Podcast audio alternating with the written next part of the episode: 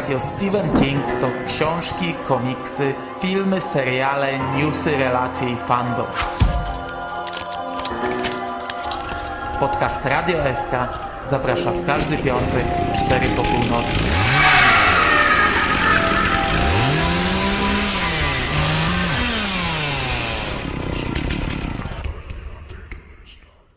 Witam serdecznie w kolejnym odcinku podcastu Radio SK.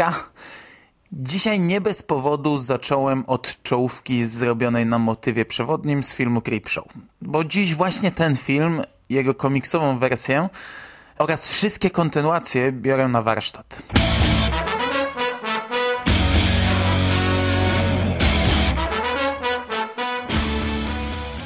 Powinienem zacząć od komiksu, ale nie dlatego, że komiks był pierwszy, a dlatego, że całe Creepshow ma swoje korzenie w komiksach z lat 50. Stephen King bardzo często podkreśla, jak wielki wpływ na jego zainteresowania, twórczość i dorosłe życie wywarły te magazyny, w których zaczytywał się za dzieciaka. W książce Dance Macabre tak pisze na ten temat. W dzieciństwie do moich ulubionych lektur należały komiksy grozy Williama M. Gainesa. Kraina strachu, opowieści skrypty, lochy grozy oraz wszystkich imitatorów Gainesa. Podobnie jak w wypadku dobrych płyt Elvisa, jego magazyny miały wielu naśladowców, ale nikt nigdy im nie dorównał. Owe komiksowe horrory z lat 50. nadal stanowią dla mnie idealny przykład lektury budzącej strach, czyli uczucie leżące u podstaw grozy. Nieco mniej subtelne, ponieważ jego źródłem nie jest wyłącznie umysł. Strach wiąże się też z reakcją fizyczną, ponieważ horror pokazuje nam zazwyczaj coś, co w sensie fizycznym budzi w nas lęk. Ja, i tu już mówię jako Mando, a nie cytuję Kinga, choć ten pewnie też podpisałby się pod tym, jestem fanatykiem, mega nerdem, fanboyem serialu opowieści skrypty, który oparty był właśnie na historiach z każdego ze wspomnianych przez Kinga magazynów. I ciesząc się jak dzieciak podchodzę do każdego filmu opartego na takim schemacie. Do tego stopnia jestem zauroczony takimi krótkimi historyjkami grozy, że z przyjemnością zasiadam też do wszystkich filmowych antologii. E, nawet jeśli nie są zrobione w komiksowym stylu, e, czy też mm, nie mają swojego odpowiednika opiekuna krypty, który zaczyna i kończy każdą historię cytując Kinga nieśmiertelnym chichotem i si.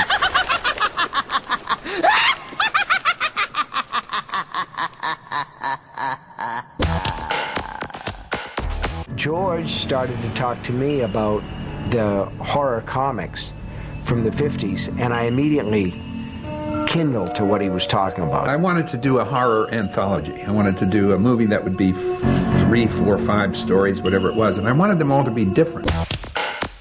Comics Creepshow jest w całości hołdem złożonym komiksom z EC. W Polsce doczekaliśmy się jego wydania dzięki Pruszyńskiemu, a jego polski tytuł brzmi Opowieści makabryczne. Niestety w polskim opisie wkradło się trochę błędów, ale jest to też nasza wina, bo takie informacje podawał wtedy serwis StephenKing.pl.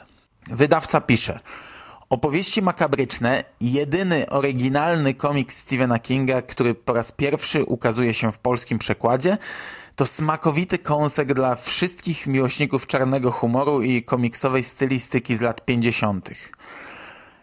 I faktycznie zawsze podawało się, że to King jest scenarzystą tego komiksu, ale gdy kilka lat temu internet obiegła informacja, że wraz ze Scottem Snyderem siada on do wspólnego komiksu pod tytułem Amerykański Wampir, to King podkreślał, że jest to pierwszy raz w jego karierze, kiedy to bierze się za ten rodzaj pisarstwa. Stephen King jest oczywiście autorem wszystkich pięciu historii zawartych w tym tomie, z czego trzy zostały napisane specjalnie na tę potrzebę, a dwa oryginalnie wydane były w postaci opowiadania. Nie mam jednak pojęcia, kto rozpisał to na scenariusz komiksowy. King twierdzi, że nie on, a, ani polskie, ani zagraniczne wydanie komiksu nie podaje innego scenarzysty. Zresztą zagraniczne wydanie jest mocno nastawione na promocję filmu i większość informacji na okładkach dotyczy właśnie filmu, więc siłą rzeczy jako scenarzystem podaje się tam Kinga, bo to on jest autorem scenariusza filmowego. From the author of Carrie, The Shining and Cujo. And the creator of Night of the Living Dead and Dawn of the Dead. Creepshow. Opis polskiego wydania zawiera jeszcze dwa błędy. E, tekst na okładce informuje nas, że komiks wydany po raz pierwszy w roku 1982 stał się kanwą filmu w reżyserii George'a A. Romero, a na podstawie scenariusza Stephena Kinga powstał także sequel Creepshow 2. Po pierwsze, sequel nie został nakręcony na podstawie scenariusza Kinga, chociaż ja do tego jeszcze wrócę omawiając ten film. A po drugie, oryginalny film nie został nakręcony na podstawie komiksu. To komiks powstał na podstawie filmu. Jednak obie formy, filmowa i komiksowa, ukazały się w tym samym roku, więc można przypuszczać, że tak naprawdę powstawały równolegle. Przy czym to komiks opierał się na filmie, a nie na odwrót. W zasadzie można powiedzieć, że komiks został zrobiony w celach promocyjnych filmu, czyli mamy tu do czynienia ze zjawiskiem powszechnym dzisiaj, z tą różnicą, że dziś wypuszcza się byle bubla, aby tylko o tytule było głośno na różnych frontach, a w przypadku Creepshow komiks samodzielnie stanowił bardzo dobry produkt. Some comics are good, but most comics are killers. They kill time, they kill imagination, and they kill the urge to read books. In the 1950s, if comics were killers, then mild-mannered publisher William M. Gaines was public enemy number one. Autorem okładki, świetnej okładki nawiasem mówiąc, jest Jack Kamen, e, autor grafik zdobiących okładki wielu komiksów z lat 50. Swoją drogą ta sama praca zdobi okładki DVD filmu. Ilustracje do komiksu wykonał natomiast Bernie Wrightson, czyli artysta, który ma na swoim koncie oprawę graficzną do takich książek Kinga jak Bastion, Buick 8 i Mroczna Wieża 5 czy Rok Wilkołaka. Przy czym w przypadku Roku Wilkołaka jego pracę możemy oglądać też w polskich wydaniach książki. No i trzeba przyznać, że jest to rysownik, który idealnie nadaje się do tego typu komiksu. Strona wizualna oddaje w pełni klimat magazynów, dla których opowieści makabryczne są hołdem. And the whole idea was like to scare people and uh, scare little kids. And the more disgusting the stories were, the more we laughed. But not everyone appreciated the joke. And in 1953, a Senate subcommittee convened to find out if comics created juvenile delinquents. My name is William Gaines. I was the first publisher in these United States to publish horror comics. I'm responsible. Historie opowiedziane na kartach komiksu są identyczne jak te na taśmie filmowej, z tą różnicą, że środkowa i przedostatnia są zamienione kolejnością. Poza tym jest to kalka filmu i nawet bohaterowie bardzo przypominają filmowych odpowiedników. Vault of Horror, The Haunt of Fear, and Tales from the Crypt have been revolting readers now for nearly 40 years, and the macabre message remains the same. Well, I hope that uh, they all learned how to uh, whistle when they pass the cemetery. you know, and uh, we still believe that corpses are coming back and getting even. I zanim pokrótce omówię poszczególne opowieści, przejdę do samego filmu, bo w przypadku tych dwóch mediów nie ma sensu się rozdrabniać i mówić o każdym z osobna. Creepshow. The most fun you'll ever have being scared. Film Creepshow powstał podobnie jak komiks w 1982 roku. Miał wiele polskich tytułów, czy to koszmarne opowieści, czy też show kreatury, pod jakim tytułem figurował we wczesnych latach 90. w katalogach Video Comfort i nadal figuruje na IMDb. Ale także występował pod oryginalnym tytułem Creepshow. I ja się będę tej formy trzymał. Film nie doczekał się w Polsce wydania DVD, ukazał się jednak na kasecie wideo. I choć ja nie miałem nigdy tego wydania w ręku, to widziałem zdjęcia i na okładce funkcjonuje pod tytułem Creepshow. Aczkolwiek w przypadku wydań VHS często okładki były z tytułem oryginalnym, a lektor czytał nam jakieś wymysły dystrybutora. Film doczekał się natomiast świetnego wydania DVD w Wielkiej Brytanii, e, przyszykowanego z okazji Halloween 2007 roku. No i zapewne też z okazji 25-lecia samego filmu. Początkowo planowano zwykłe wydanie, jednak Michael Felsher, od lat przyjaciel i współpracownik Romero, wyszedł z propozycją zrobienia dodatków, e, bo takie właśnie robił do wydania DVD Monster Squad. W ten sposób wstrzymano produkcję, aby dorobić dodatki w postaci wywiadów z jak największą ilością ludzi pracujących przy filmie. Ostatecznie część z dodatkami prezentuje się następująco. Komentarz audio George'a Romero, Toma Saviniego, prowadzony przez Michaela Felshera, 15 minut usuniętych scen, materiał filmowy Tom Savinis Behind the Scenes, zwiastun kinowy, galeria zdjęć i nowy 90-minutowy dokument Just Deserts The Making of Creepshow, składający się z siedmiu rozdziałów wyprodukowanych przez Michaela Felshera specjalnie z okazji 25. rocznicy powstania filmu. I opis rozdziałów już sobie daruję. Podlinkuję w poście do bardziej szczegółowego opisu. Ja jestem w posiadaniu tego wydania i bardzo polecam. This is going to be extremely painfulness to bear. Sam film natomiast składa się z pięciu opowieści, plus, jak to bywa w tego typu produkcjach, z dodatkowej historii będącej tkanką łączącą wszystko w całość. W tym przypadku jest to historia małego Billiego. W tej roli, i to jest naprawdę cholernie fajna ciekawostka, wystąpił syn Stephena Kinga. Please don't throw it away. I'm sorry. The next time, young man, I find you with a worthless piece of shit like this again, you won't sit down for a week, buddy boy. Dziesięcioletni Joe King pod takim nazwiskiem podany jest w napisach końcowych, ale my dzisiaj znamy go lepiej jako Joe Hilla, świetnego pisarza i autora genialnych komiksów, którego promuję tutaj na każdym kroku. Jest to opowieść o tym, jak to ojciec wyrzuca synowi komiks na śmieci i beszta go za to, że czyta takie bzdury. Pozostałe opowieści jakby wychodzą właśnie z tego komiksu, który już w wersji animowanej leci sobie niesiony przez wiatr, co jakiś czas lądując i otwierając się na kolejnej historii. Na koniec oczywiście czeka nas dokończenie tego wątku, w którym w epizodycznej roli pojawia się Tom Savini, a jest to jeden z bohaterów mojego dzieciństwa. E, dawniej nazwisko Savini, podobnie jak Romero, było dla mnie już wystarczającą gwarancją świetnego filmu. E, jest to koleś głównie odpowiedzialny za rewelacyjne efekty specjalne w horrorach. Poza tym jest aktorem, który bardzo często pojawia się tylko w mikroepizodach i gdzieś mi się kiedyś obiło o uszy, chyba w podcaście Sklepik z horrorami, Aczkolwiek nie wiem, ile w tym jest prawdy, że Tom Savini sam wymyśla, w jaki sposób jego postać będzie ginęła w filmach. W Creepshow nie ginie, natomiast mały Joe Hill świetnie odgrywa się na swoim filmowym, jakże różnym od prawdziwego ojcu. Oh. Oh, throw away my comic. Oh. Oh. Oh. Ready for another shot, Dad? A, i tutaj trzeba zaznaczyć, że ta opowieść Klamra znalazła się tylko w filmie, co jest dość logiczne, bo sam komiks jest dalej tym odpowiednikiem księgi, z której Creep, a po naszemu upiór, czyta nam swoje makabryczne bajki. Well, hello there, boils and ghouls.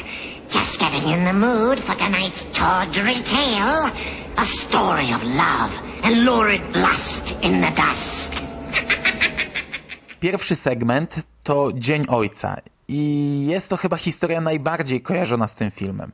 Opowiada o Natanie Grandhamie, który bardzo chciał dostać swój tort, ale jego krzyki tak denerwują córkę, że ta go zabija. It's Father's Day! Where's my cake? You promised me my cake! No, miała jeszcze kilka innych powodów, ale to nie jest sedno sprawy. Istotny jest fakt, że 7 lat po tym incydencie Nathan wstaje z grobu i nadal chce swój tort, który w końcu zdobywa, rozprawiając się najpierw z całym zjazdem rodzinnym. King w Dance Macabre tak opisywał komiksy EC. Opowieści tej brakuje jakiejkolwiek prawdziwej logiki, motywacji czy też formowania się charakterów. Sama historia służy jedynie do tego, by doprowadzić nas do zakończenia, do ostatnich trzech plansz komiksu. Mam wrażenie, że w przypadku Dnia Ojca King trochę za mocno sugerował się takim pojmowaniem tego typu horrorów. E, Dzień Ojca zapada w pamięć, jest charakterystyczny, o czym świadczą jedyne dwie serie figurek kingowych, przy czym na premierę najnowszej dopiero czekamy, ale jest też skrajnie durny, nielogiczny i kompletnie bez sensu. E, ja wiem, że durnotą z mojej strony byłoby doszukiwanie się tutaj logiki, ale chodzi mi o to, że Dzień Ojca nie trzyma się kupy jako historia. Nie opowiada w zasadzie o niczym i faktycznie jedynym celem tego opowiadania jest doprowadzenie widza do ostatniej sceny. Father's and I got my cake. Happy Father's Day.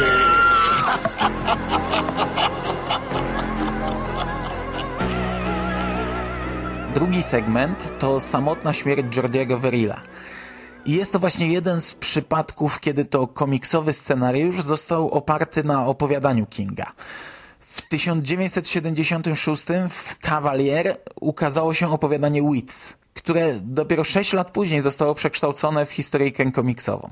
Co ciekawe, kilka lat temu oryginalne opowiadanie oficjalnie i legalnie ukazało się w internecie, więc można się z nim bez problemu zapoznać. Jest to historia farmera, na którego podwórko spada meteor. Jordi dotyka go i wkrótce podwórko, dom i sam Jordi zaczynają porastać trawą. I to tyle, w dużym skrócie. Ale też nie jest to znowu jakaś długa, rozbudowana historia. Choć w tym przypadku wszystko trzyma się kupy. Co ciekawe, w głównej roli wystąpił tutaj Stephen King, który później bardzo często zaczął pojawiać się w epizodycznych rolach w ekranizacjach swoich tekstów. Ale to jest pierwsza i zarazem najbardziej rozbudowana rola Kinga. I was very impressed with Stephen King, of course. You know, but he was just a big kid. He was a big 13 year old kid. He talked like a kid. He acted like a kid. He had interests. His interests were comic books and, you know, comic characters. And, you know, we would go to dinner occasionally, you know, so he was a blast. That's a meteor. I'd be dipped in shit if that ain't a meteor. Rok wcześniej wystąpił on w filmie Night Riders w reżyserii właśnie George'a Romero, ale to jest pierwszy przypadek, gdy gra on w swoim filmie. George Romero and I became friends because I happened to be in Pittsburgh and he sought me out and asked if I'd like to do a little bit part in Night Riders, uh, which was one of Ed Harris's early movies. And I said, sure, I'll do that for you.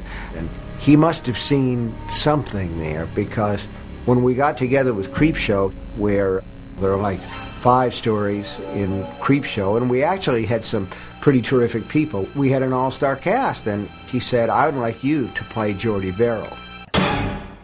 Jest to bardzo długa jak na Kinga i wydaje się napisana jakby specjalnie dla niego rola. Jordi to taki mega wieśniak, taki chłopek roztropek i King pasuje tutaj jak ulał. Jordy Verrill is a story of a country guy who's not very bright and uh, a meteor lands in his back pasture And so he picks it up and it breaks open and he gets the stuff inside on his hands and he starts to grow. He becomes a weed. And uh, I thought that it would be okay because it was a role I was familiar with. I'd actually sort of been a Geordie Verrill type as a kid, kind of a country bumpkin. Uwielbiam ten epizod właśnie ze względu na tę rolę, w której King wyraźnie pokazuje, jak duże ma poczucie humoru i jak wielki dystans do własnej osoby.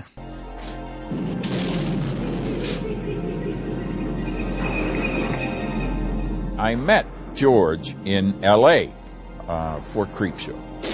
We had a real nice chat we were talking about Pittsburgh and stuff like that. And he said, So, um, have you looked at the uh, script and I said, Yeah, I have. He said, Is there anything in there that you really like? And I said, I would love to play the guy that gets uh, eaten by the grass, that Jody guy out, in the, out by, all by himself gets all weeded up and it dies. He said, Oh, I'm really sorry, Tom, but I, that's already cast. Stephen King is going to play that. And I said, Oh, shit. Trzeci segment w komiksie ma tytuł Jak pozostać na fali, natomiast w filmie przetłumaczono go Fala przypływu. Jest to ciekawa historia o zemście, w której także zaserwowano nam taką z dupy końcówkę z zombiakami, wpisującą się w schemat, w którym liczą się trzy ostatnie plansze.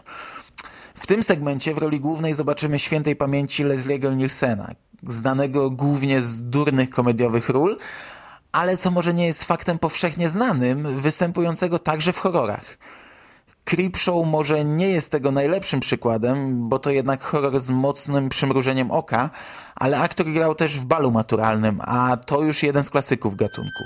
Tak czy inaczej, jest to kolejna bardzo fajna historyjka z dodatkowym smaczkiem w postaci głównego aktora. Zresztą w Creepshow nie brakuje bardzo dobrej obsady. Przedostatnia opowieść to Skrzynia, która w komiksie znalazła się o jedną pozycję wcześniej. Jest to też najdłuższy segment i najbardziej rozbudowana i logiczna opowieść. Zresztą także oparta na oryginalnym opowiadaniu, które przed i po komiksie ukazywało się w wersji tekstowej w kilku czasopismach i antologiach, a premierę miało już w 1979 roku. Jest to historia skrzyni odnalezionej pod schodami uniwersytetu.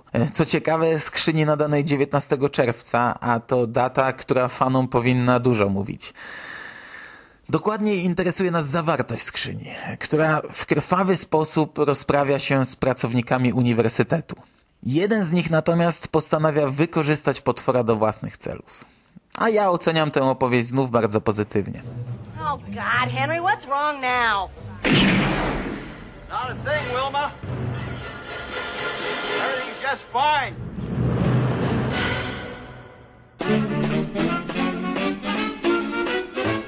Bastard. Got bugs again, huh, Mr. Pratt?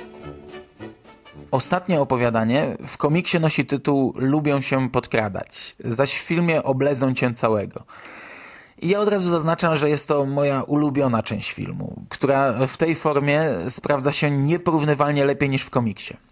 W skrócie, jest to opowieść o karaluchach. O, o dużej ilości karaluchów. No i niestety jest to moja wielka fobia. Ja w swoim życiu miałem bardzo długi i bardzo burzliwy okres studencki. Mieszkałem w wielu dziwnych miejscach i może nie było to rozwinięte na taką skalę jak w tym filmie, ale do pewnego momentu było bardzo podobne.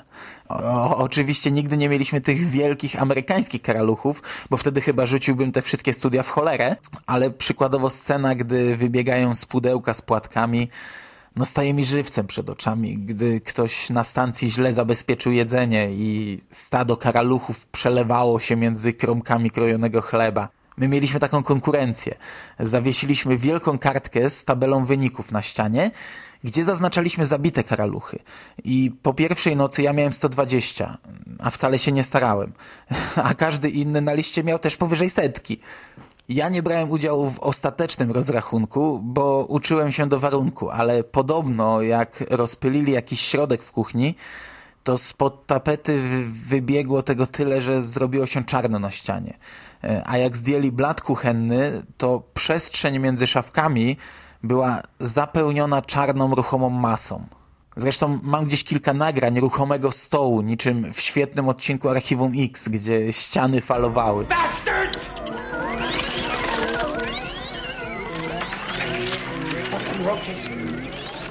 Damn bat. Ah, fuck! Bastard! I'm No i tą krótką notką autobiograficzną mogę podsumować to opowiadanie. Tutaj ten problem przedstawiony jest w znacznie większej skali. Karaluchy są jeszcze bardziej obrzydliwe i za każdym razem, gdy to oglądam, to drapię się po całym ciele, a potem przez tydzień sprawdzam jedzenie i przed każdym ugryzieniem kanapki podnoszę wszystko, co się na niej znajduje. E, cholera, ja nawet mówiąc o tym filmiku, cały się drapie. I hope you die. I hope you die.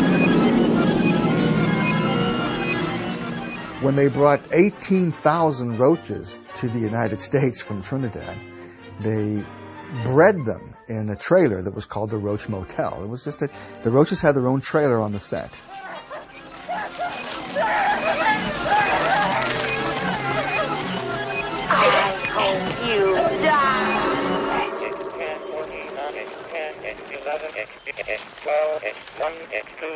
I to by było na tyle, jeśli chodzi o pierwszy film.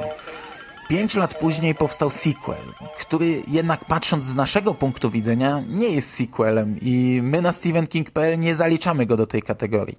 Już wyjaśniam dlaczego.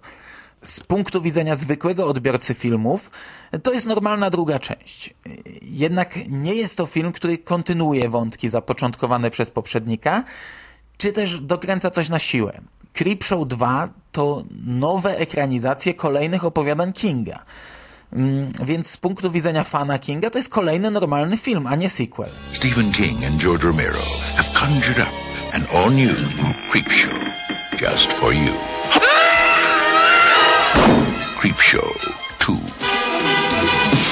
Tym razem King ograniczył się do sprzedania praw do swoich tekstów, a scenariusz napisał reżyser części pierwszej George Romero. Film wyreżyserował natomiast Michael Gornick. Tak przynajmniej podają napisy początkowe filmu, jednak jest to o tyle dziwne, że tylko jedna historia oparta jest na opowiadaniu Kinga, a pozostałe nigdzie nie zostały wydane. Możliwe, że King był pomysłodawcą historii, ale nie spisał ich i nie wydał, a jedynie wymyślił w jakiejś rozmowie z Romero, który później przerobił je na scenariusz filmowy. W internecie nie mogę znaleźć żadnych informacji na ten temat i nawet najlepiej poinformowane strony nie precyzują tego, a zazwyczaj podaje się właśnie Stephena Kinga jako autora scenariusza, co kłóci się z czołówką filmu. Wracając natomiast do samego filmu, trzeba wyraźnie zaznaczyć, że jest to już inny obraz niż oryginał. Po pierwsze jest krótszy i zawiera tylko trzy segmenty, po drugie ma beznadziejny łącznik. Tym razem całkowicie animowaną historię tego samego chłopca, którego jednak w króciutkim wstępie fabularnym siłą rzeczy nie gra już Joe Hill. Opowieść jest po pierwsze okrutnie słaba, a po drugie jest to animacja na poziomie kiepskiej dobranocki dla najmłodszych. Tom Savini wciela się tym razem w rolę upiora, choć pojawia się on na ekranie tylko przez kilka sekund w charakteryzacji. To, co w moim odczuciu jednak najbardziej odróżnia ten film od poprzednika, to po trzecie, całkowicie inne wykonanie. Oryginalny Creepshow był filmem komiksowym. Gra aktorów była typowo komiksowa. Ich krzyki czy zdziwienie to wręcz teatralne stopklatki z rysunkowym tłem. Często krótkie sceny pojawiały się w okienkach komiksowych. Przejścia między scenami były przejazdem kamery między kadrami w białych ramkach. Krótkie opisy czasu czy lokacji znajdowały się w małych ramkach. Do tego dochodziła teatralna, przerysowana gra świateł. W drugiej części tego wszystkiego nie ma. Każdy segment zaczyna się typowym przejściem od rysunku do filmu i odwrotnym efektem się kończy. Ale to wszystko. Reszta to normalne kino, bez żadnych komiksowych elementów i oczywiście same historie też zrobione są w stylu późniejszych opowieści skrypty, to jednak całość traci prawie cały klimat oryginalnego Creepshow. Welcome to Creepshow 2. Stephen King and George Romero are at it again. So walk, run, One more step! Swim if you have to. But whatever you do, don't take your time, because the scares come twice as quickly in Creepshow 2, rated R. I've saved you a seat.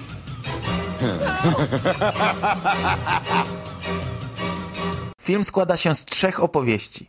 Stary wódz drewniana głowa, Tratwa oraz Autostopowicz.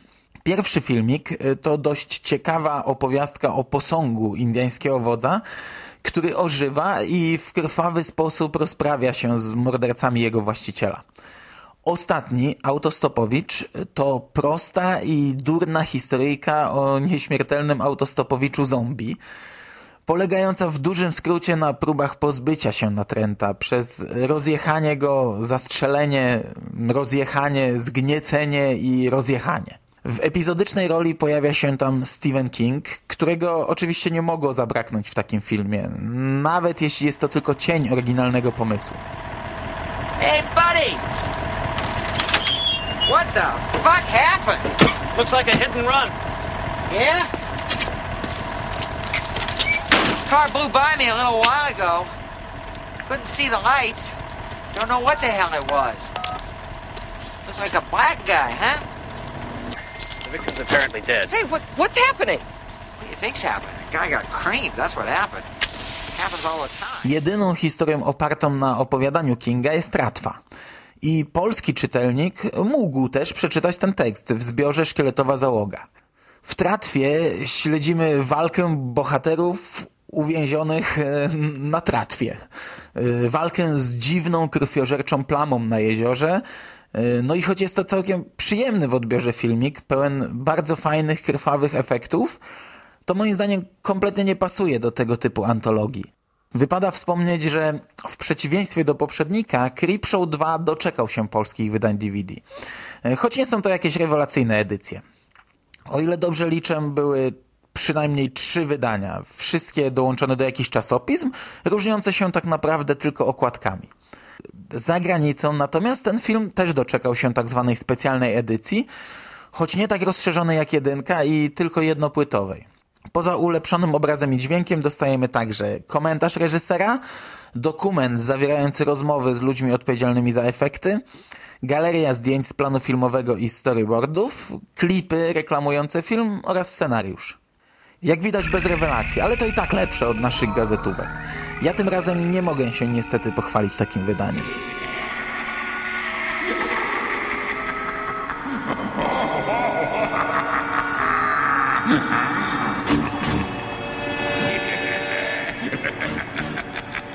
W 2006 roku powstało coś, co opatrzone zostało tytułem Creepshow 3. Film zrobili ci sami twórcy, którzy odpowiadają za Dzień Trupów 2, czyli drugą część filmu, który tak naprawdę jest trzecią częścią dłuższej serii George'a Romero. Ja tego nie oglądałem i chyba nigdy nie obejrzę, ale słyszałem dużo złego. Creepshow 3 natomiast oglądałem. I przygotowując się do tego odcinka, zajrzałem na nasze stare forum. Gdy film pojawił się w obiegu, wraz z Ingiem od razu się na niego rzuciliśmy. No bo obaj uwielbiamy kryptę, Creepshow i wszelkie pochodne oraz obaj potrafimy obniżyć wymagania względem filmu. Mnie obejrzenie trzeciej części zajęło prawie 4 miesiące. Ingo walczył ponad 8. Oglądałem to co jakiś czas, po kawałku. Mm, głównie na sen i nie była to przyjemna przygoda. Dziś zrobiłem coś, o co siebie nie podejrzewałem. Zafundowałem sobie maraton wszystkich produkcji Creepshow i trzecią część obejrzałem na raz. Tak tylko, by się przekonać, czy coś się zmieniło w moim podejściu do filmów z najniższej półki. I sam fakt, że dałem radę to zrobić, już dużo mówi, ale nie jest ze mną jeszcze aż tak źle, by polecać ten film. E, absolutnie, nie tykać go nawet głównym na kiju. Nigdzie w tym filmie nie pojawia się nazwisko Kinga ani Romero. Twórcy nawet nie dziękują im nigdzie w napisach końcowych i chwała im za to. E, na szczęście ten film nie pojawił się w sprzedaży w Polsce, a skoro Karizma już dawno splajtowała, to myślę, że nikt inny tego nie wyda. Mówią na szczęście, bo znając polskie realia, największym napisem na naszym wydaniu byłoby zdanie na podstawie powieści Stephena Kinga. Pozwolicie, że nie będę szczegółowo omawiał każdej opowieści. Film składa się z pięciu segmentów, które dla odmiany mocno łączą się ze sobą, przeplatają się tymi samymi wydarzeniami widzianymi z różnych perspektyw oraz tymi samymi bohaterami. Łącznikiem jest historia sprzedawcy hot dogów, która no, nie ma w ogóle sensu. Zaczyna się w formie animowanej, przy czym jest to animacja na poziomie Czesia i Władców Much, a kończy efektem na poziomie kasety wideo nagranej z wesela. Poszczególne segmenty w większości też nie mają żadnego sensu, ale muszę przyznać, że na dwóch ostatnich śmiałem się i to w głos. A nadal uważam, że przedostatnia historia ma w sobie coś z klimatu komiksów EC, tylko niestety wykonanie musiałoby być inne. Tak czy inaczej, mówiące radia nakłaniające do zbrodni, uniwersalne piloty przełączające równoległe światy i inne durne i beznadziejne pomysły do tego przełożone na ekran w najgorszym stylu przekreślają ten film. I teraz mogę już śmiało powiedzieć, że nigdy do niego nie wrócę. I tak obejrzałem go już o dwa razy za dużo.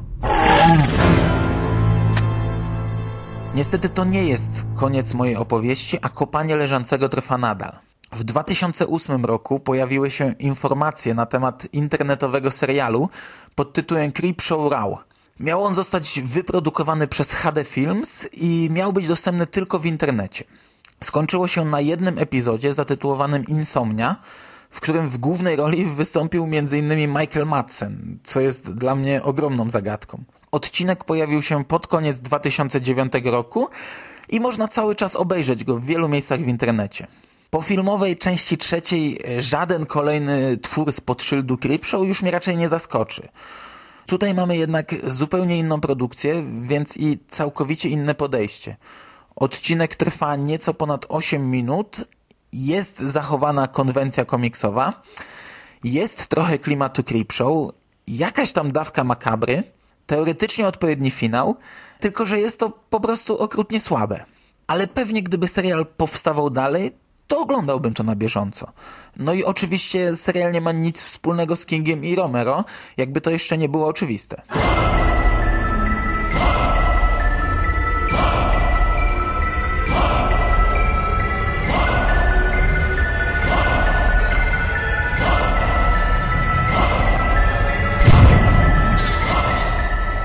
Na koniec pozostaje mi garść ciekawostek.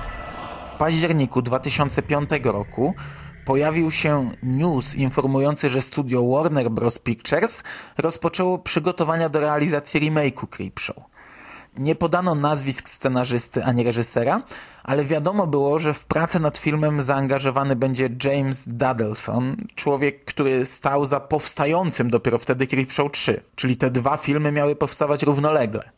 To oczywiście nie dawało wielkich nadziei na porządny remake, który na szczęście nigdy nie powstał i słuch o planach jego realizacji dawno zaginął.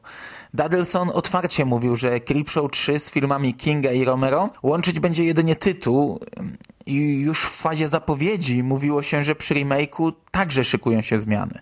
Twórcy remake'u chcieli, aby w ich filmie poszczególne historie łączyli niektórzy bohaterowie i sytuacje. Tak więc e, szykował się nowy scenariusz, nowe wydarzenia i nowe postacie. Czyli tak naprawdę nowa część, tylko najwyraźniej w okresie zdominowanym przez falę remake'ów lepiej sprzedawały się filmy z tego worka, nawet jeśli remake'ami nie były, niż kolejne części opatrzone kolejnym numerkiem. W listopadzie 2009 roku Taurus Entertainment ogłosiło plany na kolejny projekt z nazwą Creepshow w tytule. Tym razem miał to być Creepshow 3D. Z Kingiem nie miało to żadnego związku i na szczęście na zapowiedziach się skończyło. Szczerze mówiąc, ja nawet nie pamiętałem, że taki news się pojawił i byłem zdziwiony, robiąc notatki przed nagraniem tego odcinka. Do końca nie było sprecyzowane, czy będzie to remake i wstępny tytuł, jaki pojawiał się, to także Creepshow 4. Ciekawostką jest natomiast fakt, że George Romero planował zaraz po oryginalnym filmie zrobić serial telewizyjny Creepshow, jednak nie mógł wykorzystać tego tytułu i ostatecznie serial nazywał się Tales from the Dark Side i był nadawany w latach 1983-1988. W serialu pojawiły się dwa odcinki nakręcone na podstawie opowiadań Stephena Kinga, edytor tekstu i przepraszam to nie pomyłka, Tom Savini powiedział natomiast, że filmowa wersja serialu z 1990 roku, w której także znalazła się adaptacja ciężko dostępnego w tamtych czasach opowiadania Kinga Kot z piekła, jest tak naprawdę prawdziwą trzecią częścią serii Creepshow.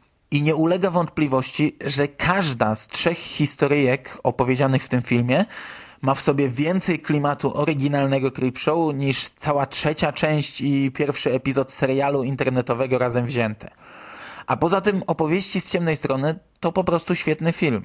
I tym pozytywnym akcentem zakończę dzisiejszy odcinek.